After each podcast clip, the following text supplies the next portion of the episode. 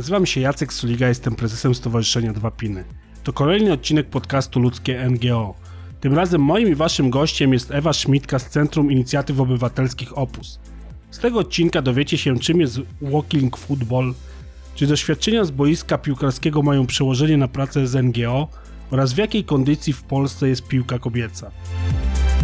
Cześć Ewa. Cześć, bardzo się cieszę, że udało nam się spotkać. Oglądałaś wczoraj mecz? Lecha? No pewnie, kibicuję Lechowi bardzo mocno, no, rozpacz straszna. Ale nie będziemy dzisiaj się zajmować męską piłką nożną, tylko kobiecą. Super. Jak to się stało, że zaczęłaś grać w piłkę? Stało się to bardzo dawno temu, mm, bo ja jestem dzieckiem wsi i my bawiliśmy się na ulicy. To jest jeszcze to pokolenie, które się na ulicach bawiło, bo tą ulicą samochód przejeżdżał tak zaraz na 2-3 godziny. To były lata 80. Więc dzieciaki z okolicznych domów bawiły się wszystkie razem na ulicy, no a jak się razem bawiły, no to tam nieodłącznym elementem tych zabaw była piłka. Ja już od wczesnego dzieciństwa wiedziałem, że najbardziej z tych wszystkich zabaw z dzieciakami, no to podoba mi się po prostu to bieganie, bieganie za piłką. I jak miałem 10 lat, to trafiłam do lokalnego klubu sportowego GLKS Zawisza Żgów i tam przez rok trenowałam z chłopakami. Niestety po roku okazało się, że nie wolno mi dłużej z chłopakami grać, no bo jestem dziewczynką, oni chłopcami. Nie było w mojej najbliższej okolicy więcej dziewczynek, które, które chciałyby kopać piłkę. No i tak na ponad 20 lat marzenia o graniu w piłkę poszły w kąt. Powiedzmy, twoja kariera taka wstępna zakończyła się na wieku 10 lat i była y, aż przerwa do 30 roku życia mniej więcej? Czy jakoś się ta piłka... Ta piłka się już praktycznie nie przewijała. Ja oglądałam mecze, ale ja już w piłkę nie grałam. To co się stało w tym 30, to tam około tego 30 roku życia? Moja przyjaciółka Kasia Zoń powiedziała, słuchaj, bo ty, ty lubisz piłkę nożną, a tutaj w jednym z łódzkich parków raz w tygodniu, w niedzielę spotykają się dziewczyny na, na pokopanie piłki. I po prostu mnie tam wyciągnęła. Raz. No i panie kochany. Jakie to było szczęście. No w ogóle klimat taki piknikowy, wiesz, koce, psy, dzieci, y, bramki porobione z plecaków, z butelek. No taki klimat, taki totalnie, wiesz, lato, ciepło. No i piłka nożna. I tam, nie wiem, 15-20 babeczek, które sobie gdzieś w tą piłkę kopały. I ja byłam tak szczęśliwa, pamiętam. Tak strasznie szczęśliwa. Kolana pozdzierane. Gęba umorosana, bo to była taka trochę, trochę trawa, trochę błoto, więc brudna straszliwie. Gdzieś tam coś pozdzierane, więc jeszcze z domieszką krwi. Ja jeszcze wtedy pojechałam z córą, która miała już wtedy, nie wiem, 6 czy 7 lat. Więc młoda też się tam w tej trawie wytarzała. Ja mówię, dobra dziecko, wrócimy taksówką, bo kurna w tramwaju to zaraz mi ktoś prawa rodzicielskie do ciebie odbierze. No bo nie wyglądałyśmy najlepiej, ale, ale te wszystkie marzenia z dzieciństwa, ta pasja, to wszystko wróciło, mam wrażenie, że jeszcze z taką zwielokrotnioną siłą i, i ta niesamowita radość, którą dawało właśnie to, że ja mogę biegać, że mogę grać. To było, no to było super po prostu. A ile was było na początku w tym parku? Co nas się tak spotykało plus minus 15, 20, 20 osób. Z tego się zrobił taki nieformalny zespół, to było 15 lat temu, więc już też e, dosyć dawno. I pamiętam, jak tym nieformalnym zespołem pojechałyśmy do Warszawy, do Chrząszczyków. To była wtedy taka najbardziej prężnie działająca, nieformalna kobieca grupa piłki nożnej. E, I one raz do roku organizowały turniej. I to w zasadzie była jedyna okazja, żeby tak nieformalnie z innymi kobiecymi zespołami porywalizować. Pojechałam z dziewczynami, zabrały mnie do tej Warszawy. No, umie, moje umiejętności no, nie były jakieś szczególne, umówmy się, żadne. No, ale koleżanki mnie zabrały. Pamiętam do tej pory, przyjechałam 120 km w jedną stronę, 120 km z powrotem, na boisku spędziłam dwie minuty. Ale jak wyszłam na to boisko, to było na hali. Słuchaj, z tych emocji, z tego szczęścia, z tej podjarki tym, że ja gram w meczu, rozumiesz, taka prawdziwa rywalizacja, to ja zatańczyłam trzy oberki, pogubiłam się totalnie, chyba nawet straciłam orientację, gdzie jest nasza bramka, gdzie bramka przeciwniczek, więc oczywiście dziewczyny mnie natychmiast zdjęły z tego boiska, bo pożytek ze mnie był najdelikatniej mówiąc żaden, ale i tak, i tak byłam szczęśliwa, przeszczęśliwa, że że ja na ten turniej pojechałam, że, że grałam, dobra, dwie minuty, nieważne, byłam częścią zespołu, E, I wtedy też z dziewczynami pomyślałyśmy, że kurde, chrząszczyki to robią w Warszawie, przecież możemy coś takiego zrobić w Łodzi. Chyba nie jest to tak strasznie, wiesz, trudne, skomplikowane, niemożliwe. No i wtedy się okazało, że okej, okay, w sumie nie jest, ale dobrze byłoby mieć jakąś osobowość prawną, no bo żaden MOS i ranie nikt inny z osobą prywatną nie bardzo chce podpisać umowę chociażby na wynajęcie sali na, taki, na takie rozgrywki. Więc stwierdziliśmy, nie, no dobra. Yy, grała wtedy, wtedy też z nami Wiola Gawrońska, która już pracowała w Opusie, więc podpowiedziała nam, jak to zrobić, żeby założyć klub sportowy. No i założyłyśmy sobie wtedy swój własny klub sportowy kontra. Klub działa, klub działa do tej pory i potem już zaczęłyśmy organizować swoje turnieje, swoje rozgrywki. A jak to się stało, że zaczęłyście współpracować z pizzerią Fiero? A to moja rola. to moja rola, bo ja wtedy prowadziłam jedną z e, pizzerii Fieri, Fiero należących do sieci. No i tak sobie pomyślałam, że piłka jest okrągła, pizza jest okrągła i to mi się tak jakoś fantastycznie uspójniło. E, udało mi się też e, jakby przekonać, co nie było nawet szczególnie trudne moich, moich przyjaciół, z którymi sieć pizzerii Fiero zakładaliśmy, że kurde, pójdźmy w tę stronę, promujmy się przez sport, promujmy się przez piłkę nożną, promujmy się przez piłkę nożną kobiet, bo to jest coś innego, coś w jakiś sposób wyjątkowego. Będziemy po prostu inni niż, niż wszyscy. Dlatego, dlatego przez, przez długi czas nasza, nasza nieformalna e, kapela piłkarska to była po prostu drużyna Fiero. Wspólnie też organizowaliśmy, pewnie część Łodzian kojarzy, jeszcze pamięta, e, takie sportowe pikniki rekreacyjne na stawach Jana. Nazywało się to Fiero Cup. Ja pamiętam. Pamiętasz? Nie, to były fantastyczne imprezy. Tam się przewijało coś koło tysiąca osób. Nie wiem, czy też na metalowcu chyba później nie było, ale może ja już mylę stadion. Boiska. Chyba pomyliłeś, chyba pomyliłeś, tak. Na metalowcu były organizowane bibliokapy i to, A, robiła, no, tak, masz, masz i to robiła jedna z łódzkich e, bibliotek. Ale wy tam grałyście. Ale my tam z kolei grałyśmy, dokładnie. I też tam byliśmy jedyną kobiecą kapelą wśród, nie wiem, 10-12 kapeli męskich. Tak, ale pamiętam jak się z wami grało, to wcale nie było tak, że dostawałyście 10-0. To nie, nie, nie. Chyba, że wychodzili tacy zawodnicy, co grali no już w ligach normalnie jako zawodowcy, no to to wiadomo, to było ciężko, ale tacy normalni, co tak sobie grali rekreacyjnie, to nie było tak, że o, wychodzą dziewczyny i na pewno dwucyfrówka. To tak nie wyglądało. Wiesz co, no my też się oczywiście mobilizowałyśmy na te mecze, no chciałyśmy zagrać na stówę, a nawet na 200% naszych możliwości, umiejętności. Mm, też różnie się grało z facetami, z tego co ja pamiętam. To było tak, że e, jedne zespoły męskie jakby rozumiały to, że jesteśmy kobietami i no, nie będziemy ani tak szybkie, ani tak silne e, i, i grali futbol bardziej techniczny. I to było super, tak? Po prostu pokazywali swoje najlepsze umiejętności. I nawet jak dostawałyśmy wysokie wyniki, to z pełnym szacunkiem dla, dla naszych przeciwników. No ale były też takie zespoły, zespoły męskie, które jakby za punkt honoru stawały, stawiały sobie nakopanie dziewczynom, wykorzystując swoją przewagę fizyczną, co było no w moim przekonaniu bardzo nie okej, okay, no bo wiesz, no trochę ciężko rywalizować siłowo z kimś, kto jest y, dużo wyższy i dużo cięższy. Dobra, zatrzymajmy się na chwilę na różnicach między piłką kobiecą a męską, no bo fizyki nie oszukamy. no nie, nie ma szans. Niektórzy, niektóre osoby znane mówią, że się da, ale ja uważam, że nie. nie, nie da się. A jakie są różnice, ale już na tym wyższym poziomie pomiędzy kobiecą a męską? Wiadomo, pieniądze, no to to jest temat rzeka, ale czy organizacyjnie już powoli piłka kobieca dogania tą męską? Organizacyjnie próbuje doganiać, może tak. E, też bardzo duże są różnice w zależności od tego, o jakim kraju mówimy, bo to... Znaczy nie, no zatrzymajmy się na Polsce. Zatrzymujemy się na Polsce, dobrze. E, doganiamy, ale to jeszcze i tak jest przepaść. Oczywiście jest to przepaść również powiązana z kwestiami finansowymi, no bo to są kwestie powiązane ze sobą, nie możemy mówić o jednych jakby abstrahując od drugich. Na pewno zdecydowanie rośnie poziom wyszkolenia polskich piłkarek.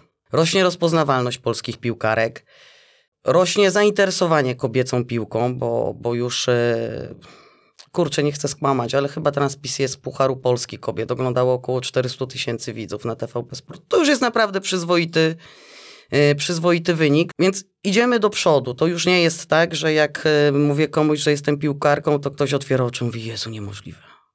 o Boże, to dziewczyny grają w piłkę, to już nie szokuje, to już jest...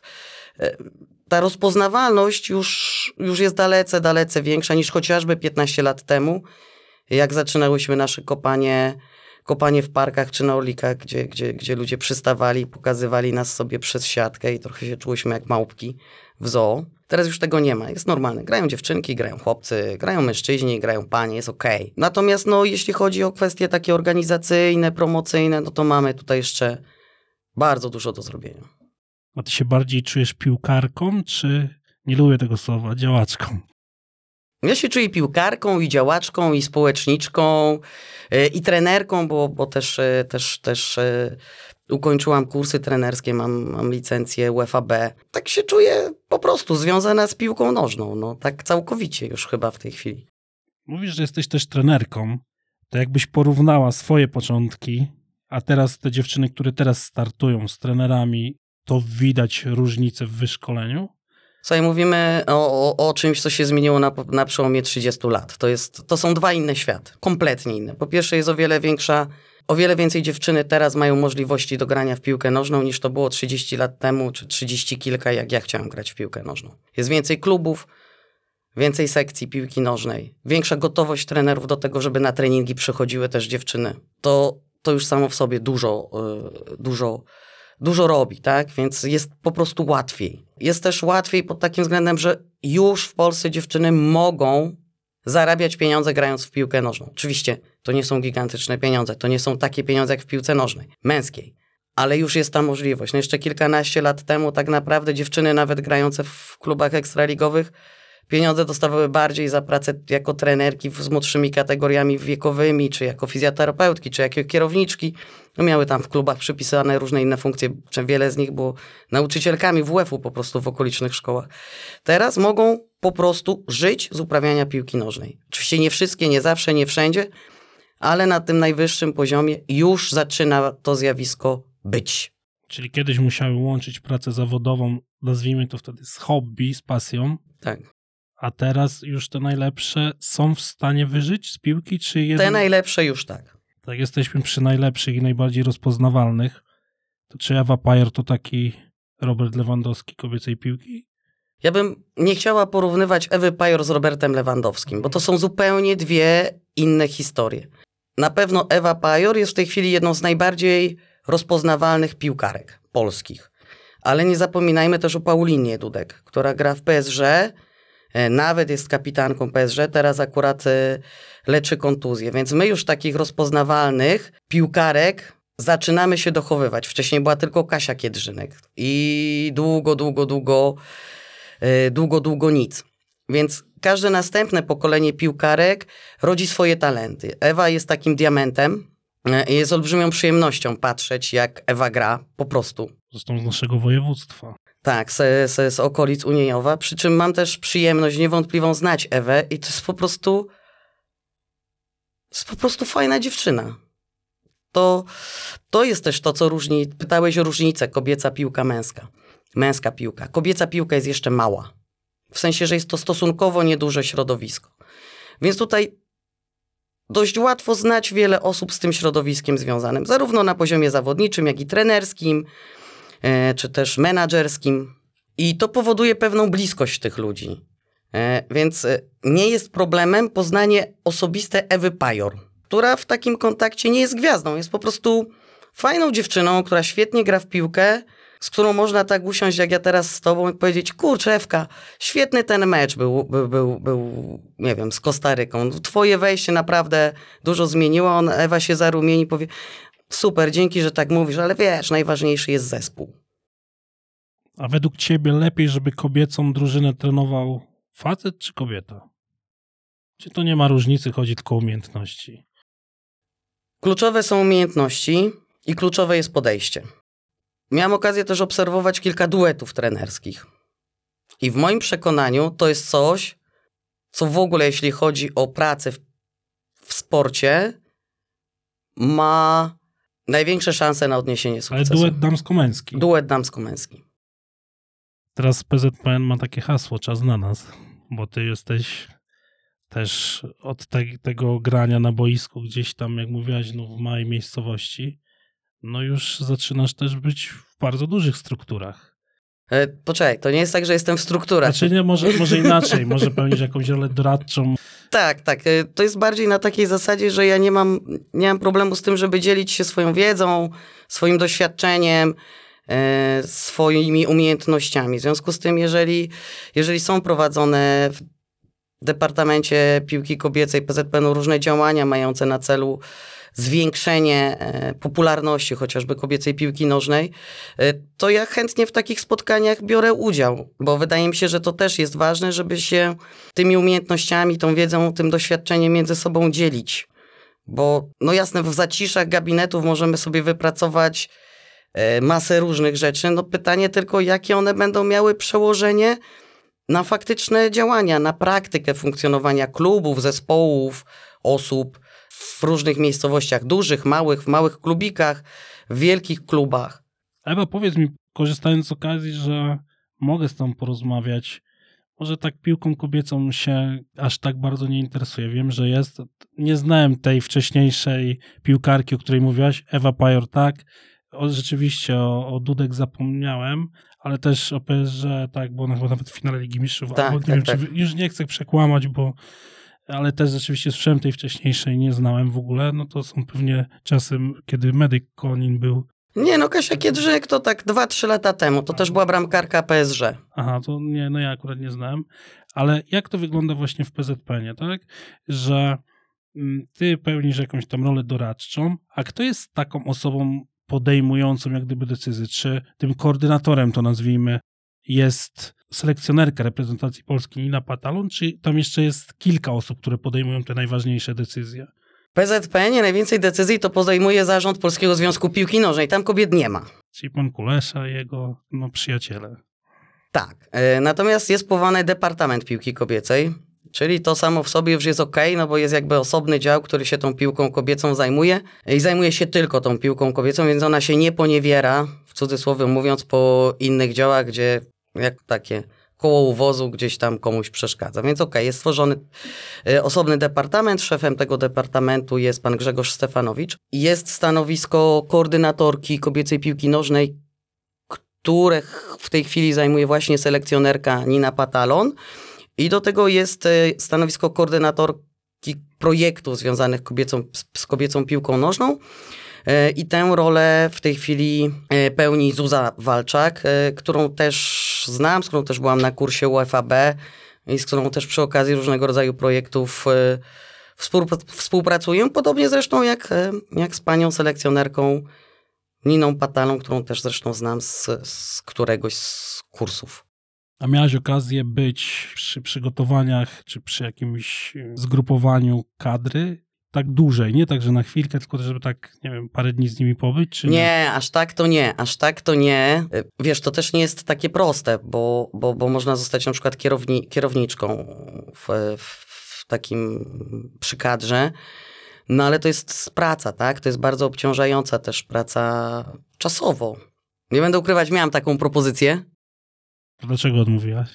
bo nie byłabym w stanie tej propozycji pogodzić z pracą zawodową, etatową. No czasem jest tak, że nie możesz zrobić dwóch rzeczy na raz. A ja nie lubię robić byle jak. Jeśli się w coś angażuję, to robię to na stówę albo nie robię wcale. Czyli na poziomie reprezentacji też nie jest tak samo jak z męską jeszcze. Warunków, które mają do przygotowania, czy też jest już podobnie?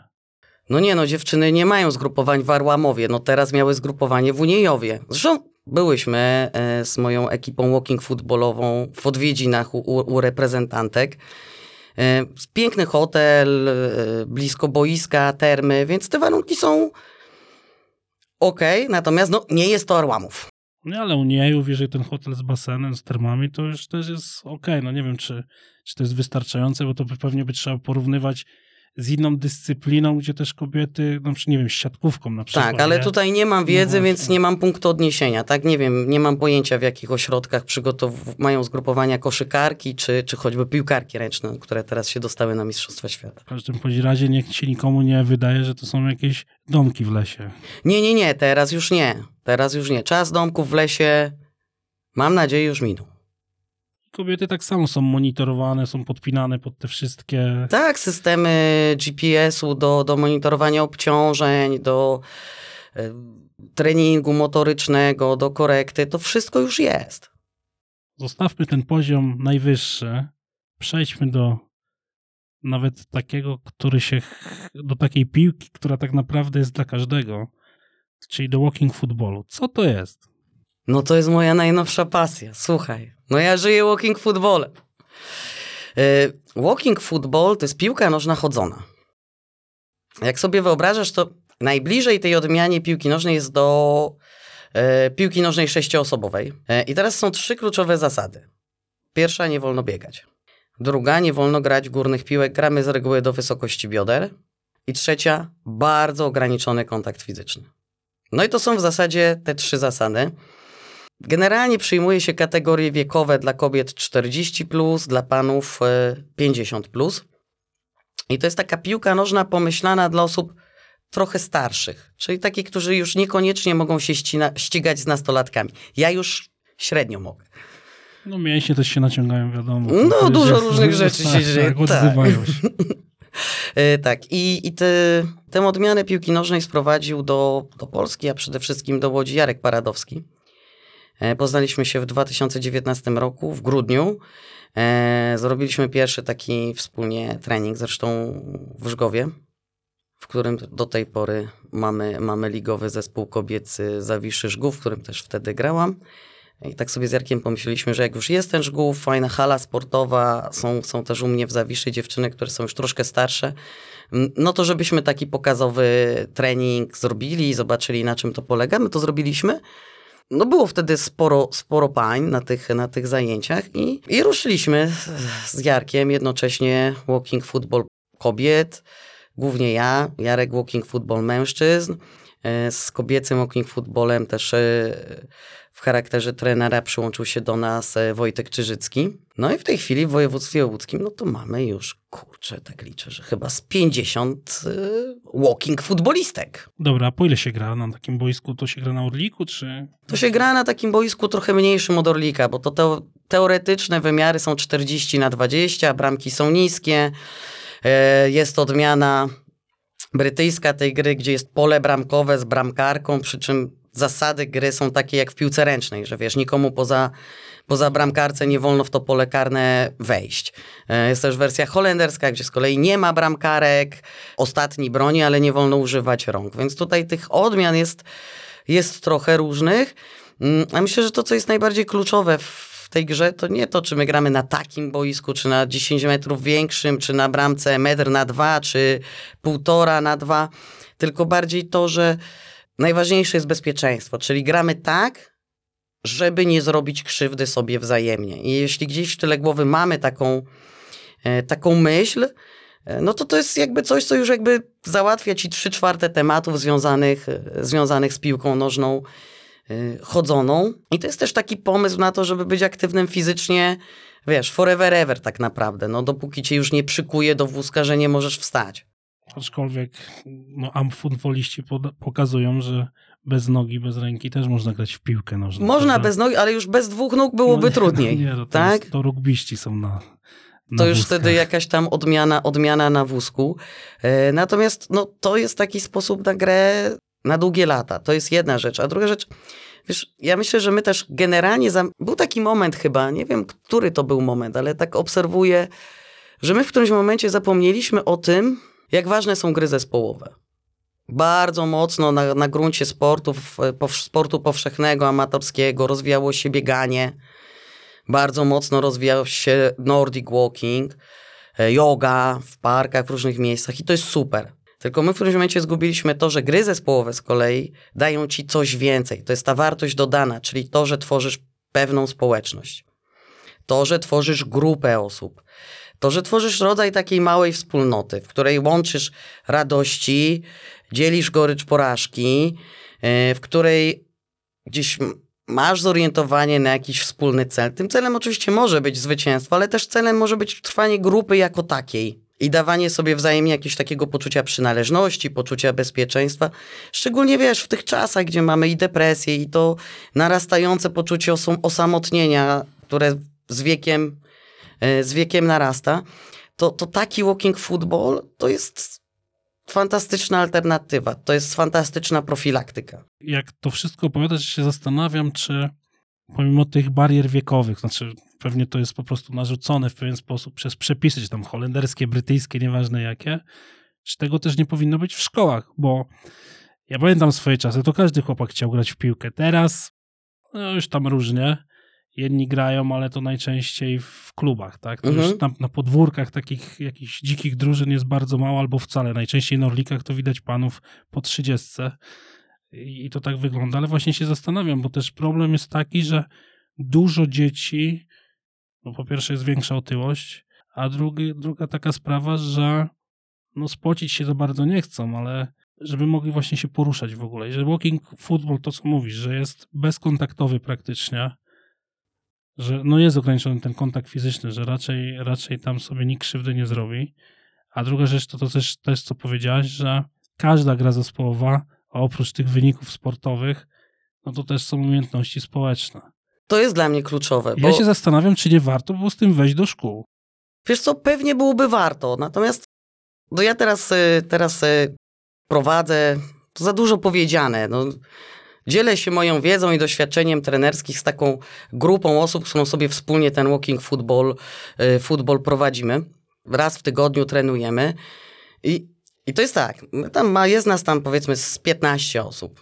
Najmłodszy Antek 18. Najstarszy jest chyba Wiesio, aczkolwiek nie chciałabym skłamać, Wiesio ma 65. Są mężczyźni, są kobiety, panie przychodzą z mężami, e, a poczekaj, bo jeszcze jedna z koleżanek przychodziła z córką, która była jeszcze młodsza, bo miała chyba 14 lat. I my wszyscy razem gramy w piłkę. I to jest okej. No najważniejsze, że się spotykacie, opowiadacie, roz, rozmawiacie ze sobą i tak dalej. Tu się pośmiejecie, może ktoś się popłacze, bo coś tam mu się ciężkiego stało, nie?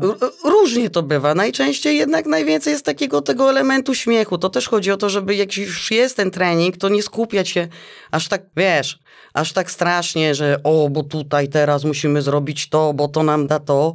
Jasne, też wszyscy przychodzą z takim nastawieniem, ja chcę się uczyć. To jest super, wiesz, dla mózgu masz sześć dych i chcesz się uczyć czegoś nowego. Połowa pań, która grała u mnie w zespole, nigdy w życiu nie ma nic wspólnego ze sportem. Już nie mówię piłką nożną. Więc dla nich to wszystko to jest coś kompletnie nowego. I one przychodzą na taki trening i one są na to całkowicie otwarte. One wszystko chłoną. One zadają milion pytań. Ale powiedz mi, ale Ewa, a dlaczego ja w tej sytuacji to muszę iść w prawo, a w tej sytuacji w lewo? No bo tak to wynika z ustawienia zespołu przeciw... Aha, no dobra. Ale zaczynasz od prostych rzeczy. Ej, dobra, ale ten out to w końcu, to, to co to jest ten out? Wiesz, my się uśmiechamy, bo dla nas jest to rzecz oczywista, dla kogoś, kto nie miał z tym do czynienia, no to nie są rzeczy oczywiste. On przychodzi po to, żeby się tego dowiedzieć. On przychodzi po to, żeby się tego nauczyć i, i czerpie olbrzymią frajdę z tego, że jak po trzech ty- miesiącach treningu ta piłka wreszcie leci tam, gdzie ona chce. Gdzie chce piłkarka, a nie po prostu piłka gdzieś jakoś leci. Wiesz, nabywasz też takiego poczucia pewności siebie, bo nabywasz poczucia kontroli nad własnym ciałem, nad tym, co robi twoje ciało. To daje takie poczucie, wiesz, też mocy, że no dobra, no jak ja już umiem kontrolować to, jak układam stopę, e, jak zginam kolano, no to ja mogę zacząć w moim życiu kontrolować więcej rzeczy. Ja jestem w stanie się tego nauczyć. Tak się zastanawiam. Szatnię kobiecą znasz. Ja, ja nie. Ale no tak, rozumiem. Chciałbyś wejść kiedyś do Nie, kobiecej nie, szatni nie po meczu? Nie, nie, o to chodzi. Nie o to chodzi. Ja się zastanawiam, czy szatnia kobieca jest podobna do męskiej. To znaczy, czy w tej szatni piłkarskiej jest też tyle szydery i złośliwości, co w męskiej. Czy raczej wy jesteście, znaczy wy, no co tak, wy kobiety, tak? Jesteście bardziej wspierające, pocieszające się faceci, raczej sobie robią z siebie jaja najczęściej. Wiesz co, myślę, że to zależy od osób i od, dokład- i od tej grupy, która jest w tej szatni, bo założę się, że nie ma dwóch takich samych szatni męskich, nie ma dwóch takich samych szatni kobiecych. Nie lubię takich generalizacji. E, dziewczyny też potrafią sobie pojechać szyderą i to taką, wiesz, na maksa. E, ale też potrafią podejść, poklepać powiedzieć, hej, wyluzuj, nic się nie stało, gramy dalej. Dobra, no coś nam nie wyszło, no kurde, zdarza się to jest też to, że to są już trochę starsze osoby, tak? Więc no jakby różnego rodzaju zwycięstw i porażek to doświadczyli w życiu, rozumiesz, od zarąbania. No i nie tylko takich sportowych, No ja mówię o życiu, po prostu o życiu, tak? I, i w tym momencie jakiś przegrany mecz, no okej, w danej chwili jest ta emocja, nawet tam pójdzie jakiś fluk. Sport uprawiasz dla emocji przede wszystkim. Ale to jest chwila. To jest chwila, mija parę minut, jest... Kurde, nie no, sorry, ej, poniosło mnie gdzieś, kurde, za dużo, za dużo się gdzieś zebrało, ze, zebrało różnych uczuć, z którymi, z którymi na dany moment nie, nie można sobie było poradzić inaczej, ale to, to nie trwa długo, dlatego że to w gruncie rzeczy przy takim bogactwie życiowego doświadczenia różnego, dobrego i złego, to ten mecz w tą czy w tą, no on jakby nie do końca robi różnicę, ale do końca, ale różnicę robi to, czy my się za tydzień spotkamy. Bo to jest kluczowe, żeby zrobić to tak, żebyśmy my za tydzień znowu się spotkali na treningu. A potem za następny tydzień. Ewa, jak myślisz, odnalazłabyś się w innym sporcie niż piłka nożna? Nie wiem. Pewnie tak, ale na pewno był to sport zespołowy. Na bank. No ja po prostu wiem, że no tylu emocji, ile mi daje bycie w grupie, bycie z ludźmi, no to, no to nie, no to nie da mi nic innego. Ja nienawidzę biegać. No po prostu nie cierpię biegać. Do tej pory gram też w Zawiszy, w trzeciej lidze, biorę udział w treningach też normalnych, takich biegowych i bieganie jest super pod warunkiem, że mam piłkę, mogę wyjść na pozycję albo zagrać piłkę, wtedy mogę biegać. Ale każ mi zrobić dwa kółka wokół boiska i jest dramat po prostu. No, po 30 metrach nie, no kurde, no nie przebiegnę, no nie da się, no nie ma szans. Czyli nie będziesz miała pomysłów, biegamy maratony, półmaratony, to nie No, nie, no nie, no rozumiesz, no, no. No nic się nie dzieje, no biegniesz i nic się nie dzieje, no. No ja to rozumiem, sporty zespołowe są moim zdaniem też o wiele fajniejsze, też ze względu na interakcję.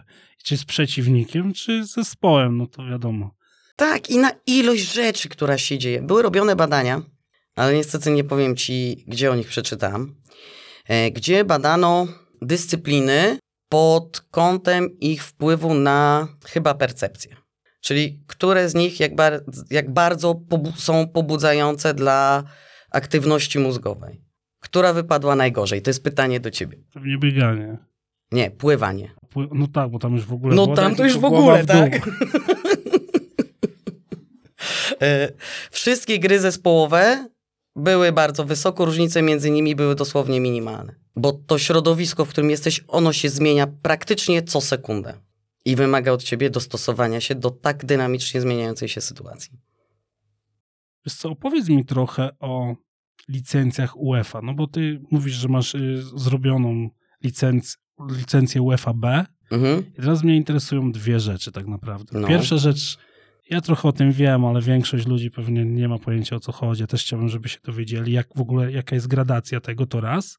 A dwa, czy jak ty masz na przykład licencję UEFA B, a później może kiedyś tam życzę licencję UEFA czy to jest równoznaczne, że ty możesz i męską, i damską drużynę na tym samym poziomie trenować, czy to też jest jednak podzielone, że to jest no, UEFA czy B, women i men, czy to jest tak samo? Dobra, to zacznę od drugiego pytania, ok? Drugie pytanie. Nie ma licencji women i licencji men. Licencje są jedne, Nie wspólne. ma płci, rozumiem. Dla kobiet, dla mężczyzn, dla pracujących w piłce kobiecej, dla pracującej w piłce mężczyzn. Czyli jeżeli byś miała na przykład licencję, bo to chyba UEFA jest uprawniająca do trenowania ekstraklasy, I teraz, to poczekaj, to nie jest do końca tak. Y, Nie znam na pamięć, która licencja konkretnie do których klas rozgrywkowych, ale może się to różnić, że na przykład z licencją UEFA możesz prowadzić zespół Ekstraligi Kobiet, ale już na przykład Ekstraklasy Męskiej nie możesz. To jest, to jest trochę podzielone. E, natomiast no, możesz prowadzić zespół męski w niższych klasach, e, klasach rozgrywkowych. E, I teraz gradacja. Zaczynamy od licencji Grassroots D. Szczerze, ale to jest licencja, która pozwala tylko i wyłącznie na prowadzenie zespołów dziecięcych i to też do któregoś wieku. Nie robiłam licencji Grassroots D, bo ja nigdy nie pracowałam z dziećmi i nie czułam potrzeby pracy z dziećmi, więc szczerze mówiąc za bardzo się nawet nie interesowałam. A Druga licencja to jest Grassroots C. E, I to jest tak naprawdę licencja, która pozwala ci prowadzić zespoły dziecięce, młodzieżowe. W kobiecej piłce chyba zespoły do trzeciej ligi w męskiej do A albo B klasy. Punkt wyżej jest licencja UEFA B i to jest ta licencja, którą ja mam. No i tam od dołu, tak? Wszystkie dziecięce, wszystkie młodzieżowe. W kobiecej chyba do, do drugiej ligi, czy do pierwszej też, nie wiem. I w męskiej chyba do, do, do klasy okręgowej. Czy wiesz, ja, ja to nie chodzi o to, żeby teraz sprawdzać twoją wiedzę, tylko mnie ciekawiło to właśnie, czy jest różnica, czy to robi facet, czy to robi kobieta, ale z tego, co mówisz, nie ma różnicy, robicie tą samą licencję i, i po prostu takie same uprawnienia macie, że jeżeli facet by miał UEFA B, to może takie same, na takim samym poziomie ligowym trenować kobiety i, i ty, jeżeli by ci się trafiła taka okazja, na takim samym poziomie rozgrywek trenować facetów, co, co ten, nie, nie ma po prostu Nie, nie, nie, tu nie, ma, tu nie ma żadnej różnicy. Kursy są jedne dla wszystkich.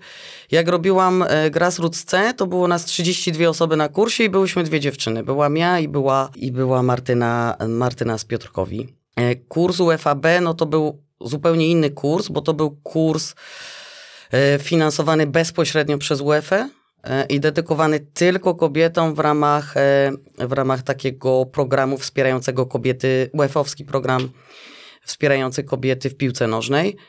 E, No i to już była edycja kursu FAB, ale tylko dla kobiet, także uczestniczkami mogły być, mogły być tylko dziewczyny, no też tam musiały spełnić jakieś, jakieś kryteria. a masz w planach UEFA.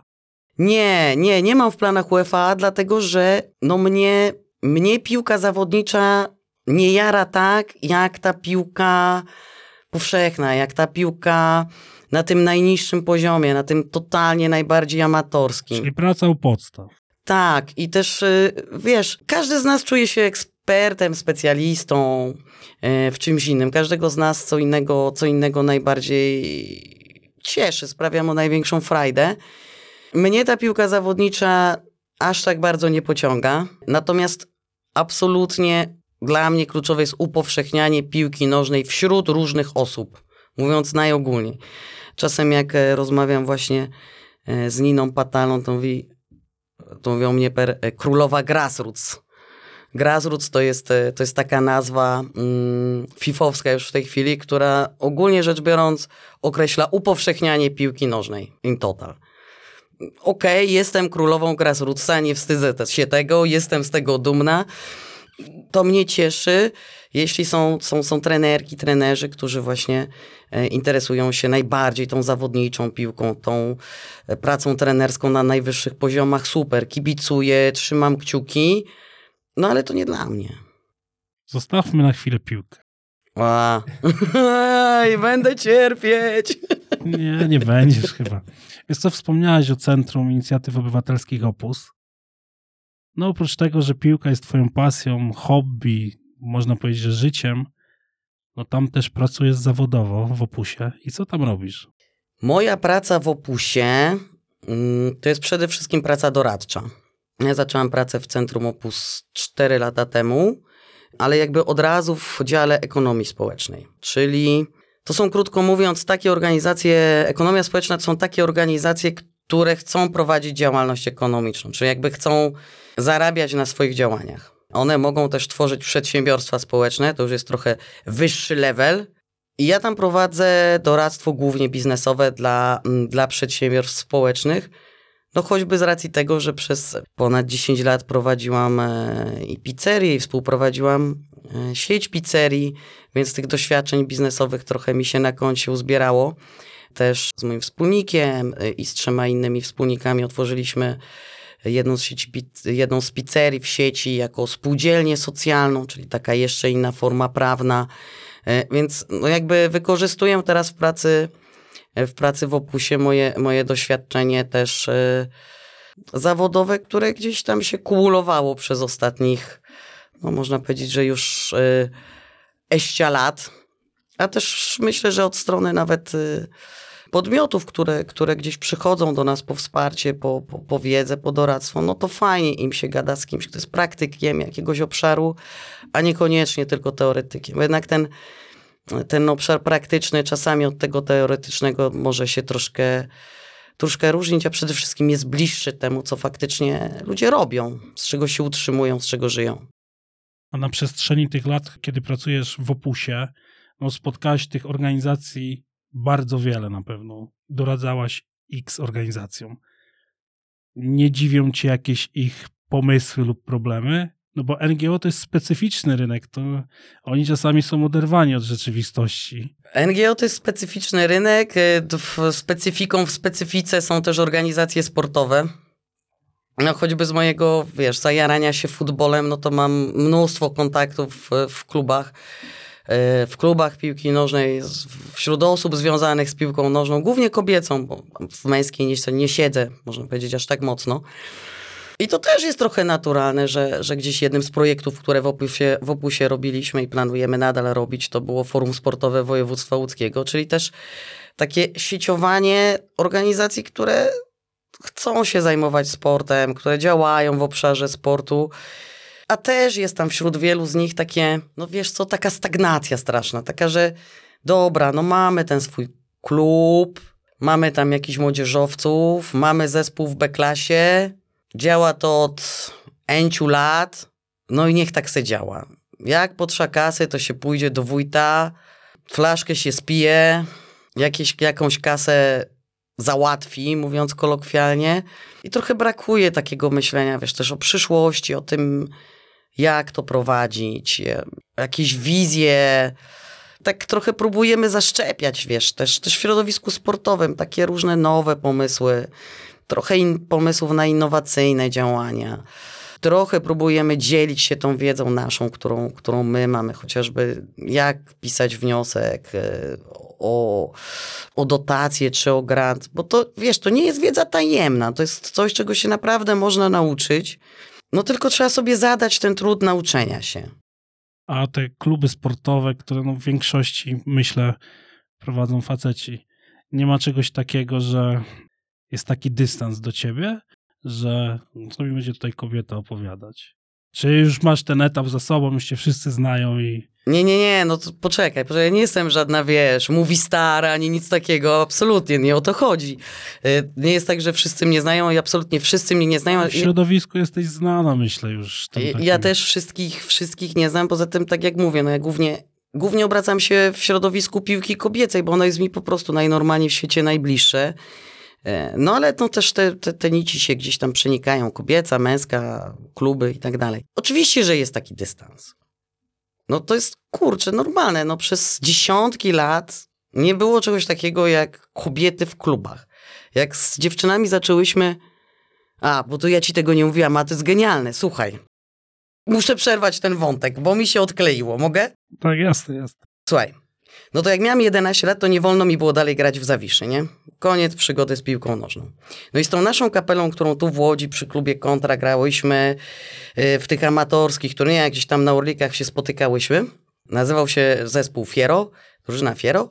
No i znajomy z, z Radomska zadzwonił kiedyś, poznaliśmy się tam przy jakiejś okazji i, i zadzwonił kiedyś i mówi, Ewa weź swoje dziewczyny, bo ja mam tu w Radomsku zespół Stali Radomsko.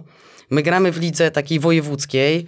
Piłka 11-osobowa, a mi się zespół sypie, nie mam kim grać. To się umówmy tak, że będziecie tylko na mecze jeździć, wy sobie trenujecie w Łodzi, moje dziewczyny w Radomsku. Ale z facetami, tak? Nie, kobiecy, A, ko- kobiecy, kobiecy. No ja sprzedaję temat dziewczyn.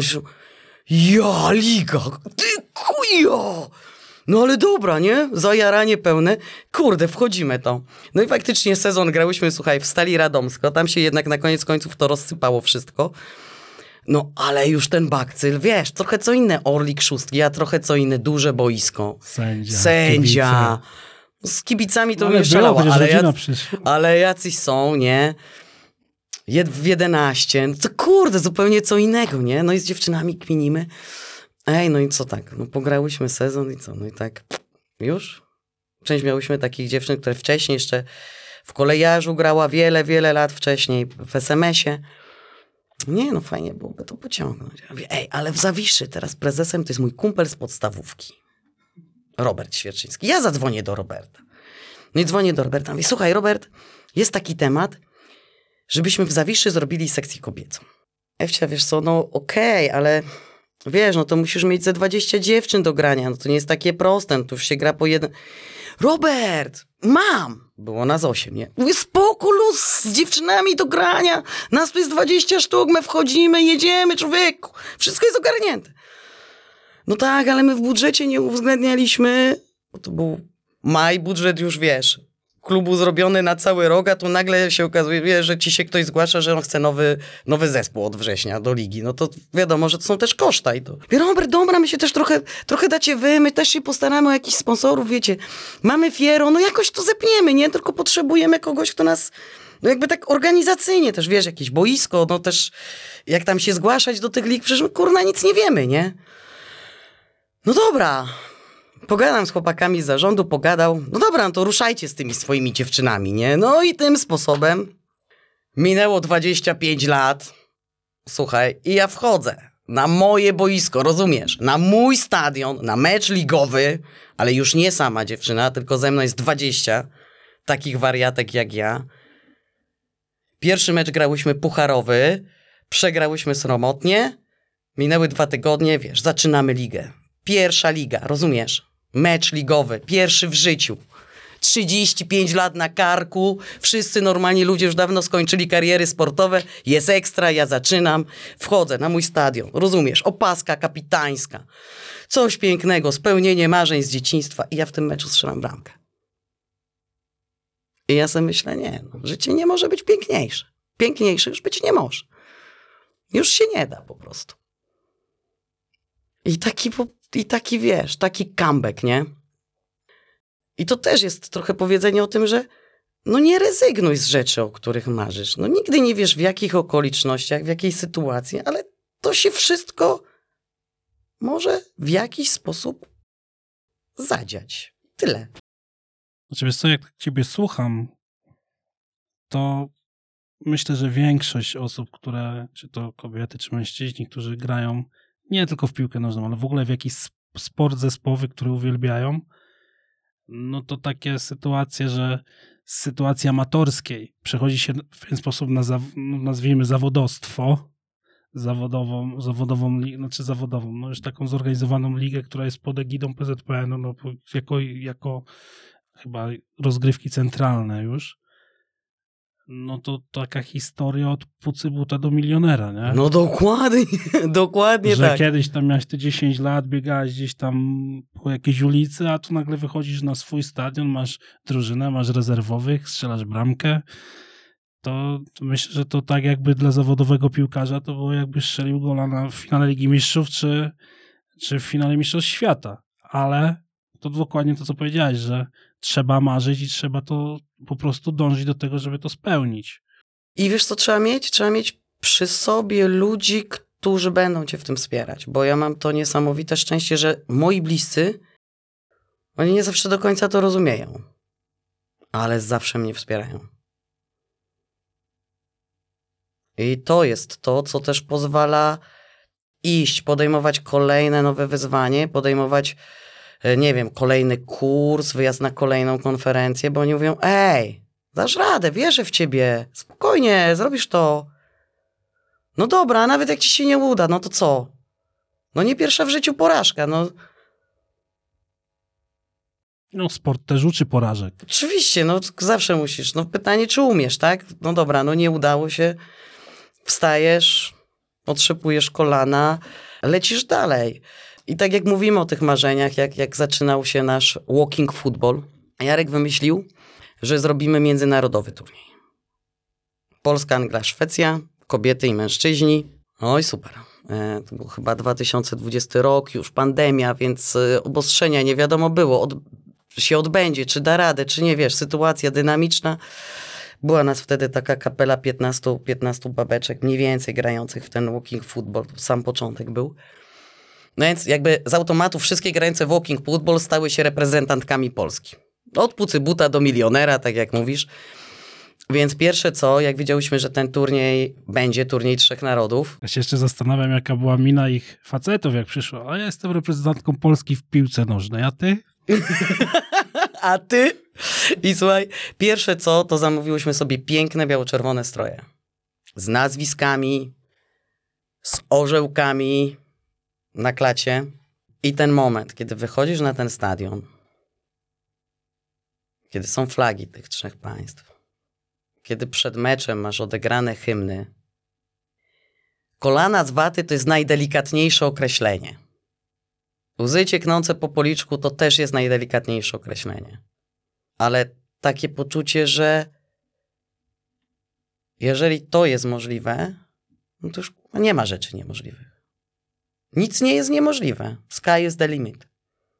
Ja tu jestem, ja tu gram w biało-czerwonej koszulce, ja mam orzełka, ja reprezentuję mój kraj na zawodach międzynarodowych w piłce nożnej. Powiem ci, że ja to teraz mówię i ja mam ciary sama, jak to mówię, bo to było tak olbrzymie przeżycie, tak strasznie dużo emocji, tak strasznie dużo wzruszeń. Może też pewnie dlatego, że kiedyś mi te marzenia próbowano zabrać. I, i mimo tego w którymś momencie życia, okej, okay, w trochę innej formie, nie szkodzi. Ale one, ale one się spełniają. Bardzo ciekawym zwodem uciekłaś od opusa. Ale jeszcze chwilę do opusa wrócę. Tak, jasne. Wiesz co, bo tak ciebie słucham i zastanawiam się, jakie rzeczy, które wykształciła w tobie piłka nożna, uprawianie tego sportu, pomagają ci właśnie w tym przełamywaniu, lodów, to raz. No bo tak jak powiedziałaś, że jednak więcej, ja też powiedziałem, no wiemy o tym doskonale, że jednak to jest bardziej męskie towarzystwo. A druga rzecz, jakie rzeczy jesteś w stanie przenosić na te przedsiębiorstwa społeczne? Czy są takie w ogóle rzeczy, że widzisz analogię boisko i analogię w doradztwie? Ja nie mówię już typowo tam, że wiesz, że tutaj musisz zyski takie, koszty takie, tylko bardziej, że ktoś widzi, że ma fajny pomysł, ma ciekawe podejście, ale zarządzanie zespołem ma takie, że to się nie uda. I ty wtedy wiesz, o, ale jakbyś zrobił to, tamto, to. Wiesz co, myślę, że taka kluczowa umiejętność to jest tylko też, wiesz, mi już jest teraz trudno powiedzieć, ile rzeczy to jest zasługa Fiero? A ile życia całego, nie? Całego życia, ile samej piłki, bo to są obszary, które się niezwykle przeplatają. E, I siłą rzeczy, umiejętności, wiedzę nabyte w jednym obszarze natychmiast przenosisz na drugi i z powrotem. Więc trudno mi jest to podzielić. E, no ale teraz z racji chociażby przez wiele lat współzarządzania klubem sportowym kontra, e, no to jest taka umiejętność, ok, jak podzielić zadania. Zawsze jak masz jakieś przedsięwzięcie, no to masz idące za tym przedsięwzięciem poszczególne działania. Twoim zasobem też są jacyś ludzie z reguły. Poczekaj, zatrzymam się na chwilę przy tym. Jak doradzasz tym y, organizacjom pozarządowym, często się zdarza, że przychodzi jedna osoba i tak naprawdę ona myśli, że udźwignie wszystko sama w tej organizacji, czy to, ja wiem, że zależy, ale tak jak z twojego doświadczenia, Dużo jest takich osób, takich organizacji, że wszystko stoi na jednej osobie? Dużo. Za dużo. Za dużo, dlatego że wiesz, tak naprawdę nie ma lidera, nie ma zespołu. I teraz, jeżeli tej osobie coś się stanie, to ta organizacja ginie. Ona przestaje funkcjonować. No i całą sztuką jest teraz zrobić to tak, żeby ten lider był, bo musi być lider. E, ja wiem, że my bardzo chcemy być bardzo demokratyczni, że my chcemy partycypacyjnego decydowania i tak dalej. W moim przekonaniu partycypacja ok, róbmy burzę mózgów, zastanawiajmy się wspólnie, wspólnie szukajmy różnych rozwiązań problemu, ale nie może w jednej organizacji sześć osób podejmować decyzji. No bo to się nie uda. A często tak jest? Bywa. Więc to jest jedna rzecz. Z drugiej strony, jeżeli ty uważasz, że ty jednoosobowo jesteś w stanie zrobić wszystko, no to ja już ci teraz mogę powiedzieć, że nie jesteś w stanie zrobić wszystkiego. No więc pierwsze co zrób, to zobacz na tych ludzi, którzy są wkoło ciebie i tak naprawdę zbadaj zasoby. No od tego zacznij. Wypisz sobie, co masz. Zanim zaczniesz się zastanawiać, co, co będziesz robić, to wypisz sobie, co masz. Bo może się okazać, że wiesz, te zespoły, które, które były naszymi takimi amatorskimi zespołami, nawet teraz te walking footballowe, no to są tak naprawdę grupy samoorganizujące się. Okej, okay, no jest ktoś, kto jest liderem, ale tak naprawdę no to jest grupa osób, która wspólnie coś wypracowuje. Nie chodzi tylko o udział w treningu, ale o to, że Y, nie wiem, teraz z dziewczynami lecimy na turniej na, na, na Majorkę w maju, też taki duży międzynarodowy. Y, no więc tak, jedna koleżanka zajęła się komunikacją z hotelami, żeby nam zarezerwować noclegi. Jedna koleżanka zajęła się wyszukiwaniem notów. Jedna zajęła się domawianiem strojów, no bo przyszły nowe dziewczyny. Więc wiesz, no jest podział zadań, tak? No i teraz wyobraź sobie, że to wszystko, co robię, te trzy czy cztery osoby, ma zrobić jedna. No to, to się nie uda. A mówimy tylko o takim naprawdę malutkim działaniu malutkiej grupki. To co w momencie, kiedy my przechodzimy na wyższy level? No musisz mieć ludzi, którzy muszą mieć określone kompetencje, ale ty musisz mieć umiejętność delegowania zadań. Bo jeżeli uważasz, że wszystko zrobisz najlepiej, że tylko ty wiesz jak, że szkoda ci czasu, żeby komuś coś pokazać, czy kogoś czegoś nauczyć, no to delegowania nie będzie. Wiesz co, zastanawiam się tak, czy przez tyle lat pracy w Opusie, mając styczność z wieloma organizacjami i teraz użyję Aha, piłkarskiego porównania. No, dawaj. Spotkałeś się z taką organizacją, o której można powiedzieć w nomenklaturze piłkarskiej zmarnowany talent. To znaczy, przyszli do ciebie i mówisz, no kuźwa, super, ekstra. No, no, no to się musi udać. A potem się okazało, że coś się takiego zadziało, że pomimo twojej pomocy, czy innych ludzi pomocy, doradztwa, niedoradztwa, wiadomo, bo no niestety się to nie udało. Nie musisz oczywiście mówić nazwy, czy, czy w ogóle była taka sytuacja, bo być może nie miałeś... Były, były takie sytuacje. A pamiętasz, dlaczego się to nie udało? Z tego, o czym rozmawialiśmy przed chwilą, że ktoś zarządczo tego nie udźwignął, że był przekonany, że była taka, to było, to było trochę tak, że ja chcę delegować zadania i ja chodzę i krzyczę, że nikt nie chce wykonywać różnych zadań, ale de facto ich nie deleguję. Tylko bardziej tryb autorytarny Wiesz co, to nawet nie jest tryb autorytarny, tylko no ojej, bo cała promocja tego wszystkiego i ja to nie mam czasu, bo to muszę i, i, i projekty pisać, i, a tutaj czy jeszcze zdjęcia trzeba... No dobra, no ale to powiedz, wybierz kogoś z ekipy i powiedz, słuchaj, zrób pięć zdjęć, takich i takich. Nie wiem, spytaj, kto tam ma, nawet prywatnego face'a. No, z prywatnego już przerzucić się na zrobienie fanpage'a, no to nie jest taki dramat, nie? No tak, no tak, no tak, no tak, ale to na pewno popiszą w cały świat. Mówię, no ale to, to w końcu chcesz, żeby ktoś to zrobił, czy nie chcesz? No bo wiesz, no już się w końcu nawet jako doradca zaczynasz zastanawiać, na czym ci kurde zależy człowieku. No chcę, chcę, chcę, no niechby to ktoś zrobił. No dobra, no ale to kto? Jak? Czym? Popatrz na swoich ludzi, zapytaj ich, może ktoś chce, no ale jak ich nawet nie zapytasz, nawet nie wiesz, czy by chcieli. Znaczy wiesz co, teraz jak tak o tym mówisz i patrzę też y, na sytuację w ogóle piłki nożnej w Polsce. Teraz ci powiem, co, co mi przychodzi no. do głowy. Jak się trenuje dzieci w Polsce najczęściej? Jak dostają piłkę, oddaj bezpiecznie, nie drybluj, nie? czyli nie kombinuj za bardzo. I teraz jak mówisz mi o tych organizacjach pozarządowych, o stylu zarządzania jest podobnie, czyli bezpiecznie, ja, na mnie, nie kombinuj. To co ja, to tak, ale nic więcej. No trochę, trochę taką widzę takie podobieństwa. Ale Jacek, to się bierze z tego, że my tego jesteśmy wszyscy nauczeni.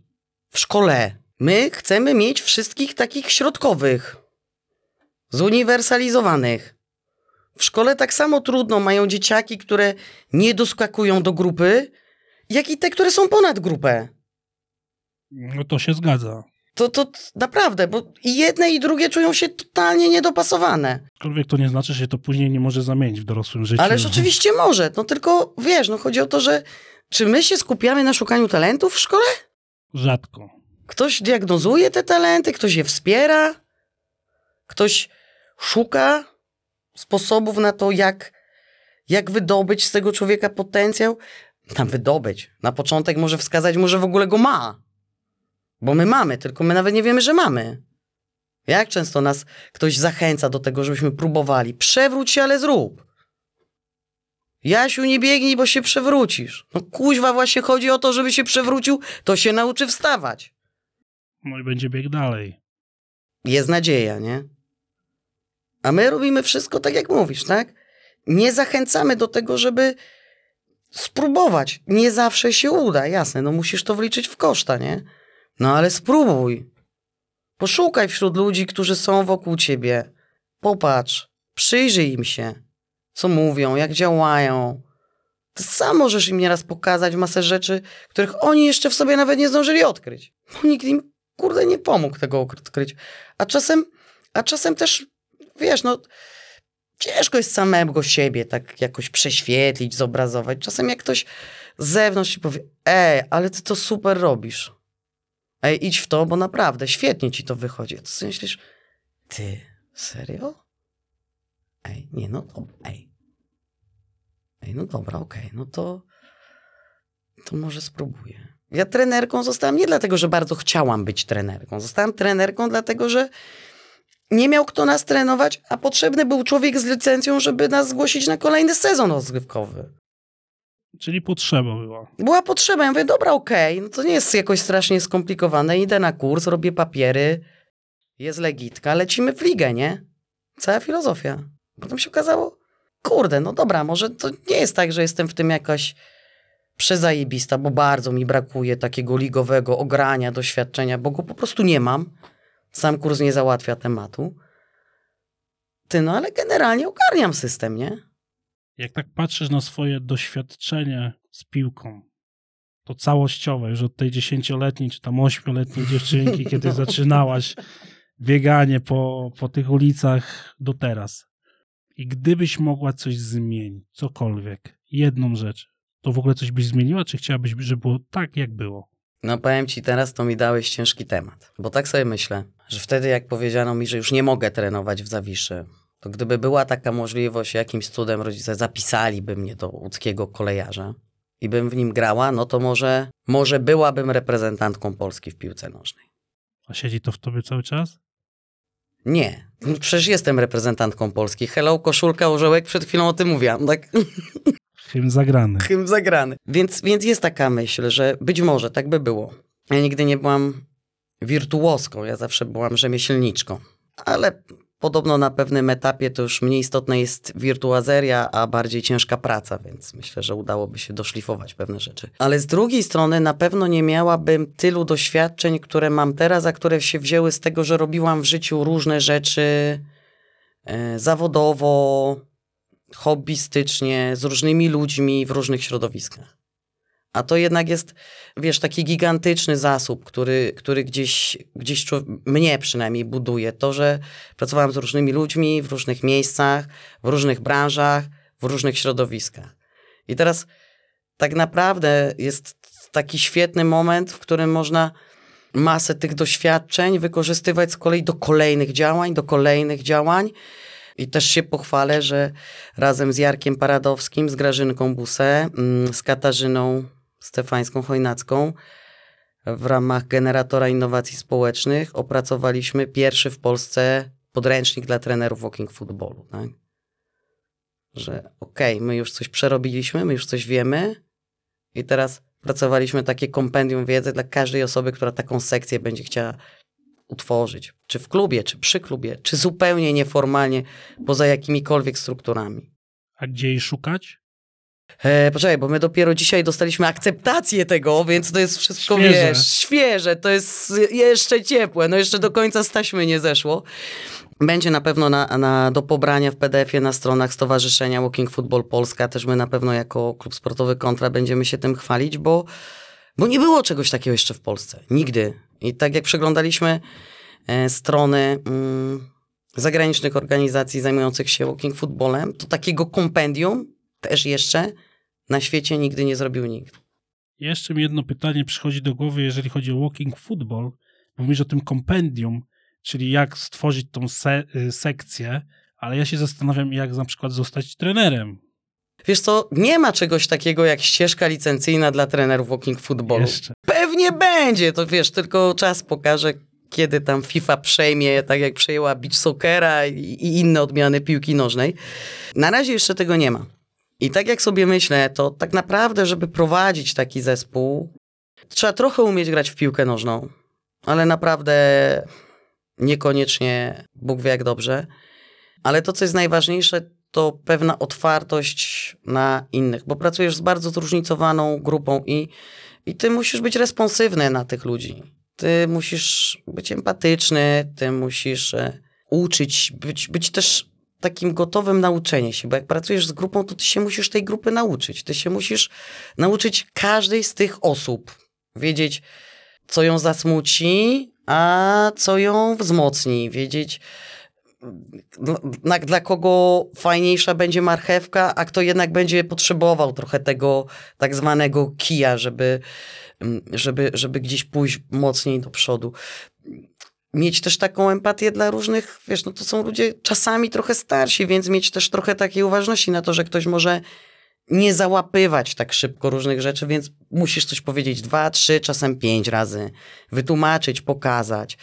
Więc tu bardziej chyba takie cechy, mm, mm, takie cechy charakterologiczne będą odgrywały znacznie większą rolę niż to, czy ty umiesz rozrysować trening y, w układzie 2, 2, 1, czy w układzie 1, 2, 1, czy w jeszcze innym. A ile w ogóle czasu się gra w walking football? Jedna połowa to ile czasu? Słuchaj, to jest bardzo różnie, naprawdę, ponieważ to jest, wiesz, to jest amatorska gra tak naprawdę, więc jak się umówimy, tak gramy. No najczęściej jak jeździmy na turnieje, no to albo gramy dwa razy 10 minut, albo raz 15. I to, i to jakby, wiesz, załatwia, yy, załatwia sprawę I, i wbrew pozorom naprawdę można się zmęczyć. Bo to się wydaje, o dobra, tam pochodzimy sobie spacerkiem. No nie. Ale walking football tak mi przychodzi na myśl, to trochę wraca do idei turnieju dzikich drużyn. Trochę. Ja, ja wiem, że to nie jest to samo, bo to nie są kluby, to są jakieś tam grupa ludzi, która się zbiera, przyjeżdża, grają ze sobą i tyle. I tyle. I kurczę, no i zobacz, róbmy takie właśnie najprostsze rzeczy, tak? No, generalnie skład, świat i życie składa się z rzeczy prostych. Nie zawsze musimy je na siłę komplikować, więc wróćmy do prostego grania w piłkę, takiego grania, które jest dla każdego, dostępne, okej, okay, mówisz, mówimy jakie boiska, Jesus Christ, zagrajmy w parku, tak? Postawmy sobie dwa plecaki, przepraszam, cztery, no bo dwa na jedną bramkę, dwa na drugą. Koniec przygotowań. A jedna piłka będzie potrzebna. No dobrze dwie, bo jak się wypierniczy gdzieś daleko, no to żeby nie trzeba było za daleko chodzić, tak? I już, i już jest granie, już jest fajny czas. Czy ty masz, nie wiem, 10 lat, a ty masz 65? Co za różnica? No gramy na tym samym boisku, jesteśmy na tym samym poziomie. I to też jest fajne, że tutaj wiesz, my nie mówimy do siebie proszę pani, proszę pana, tak?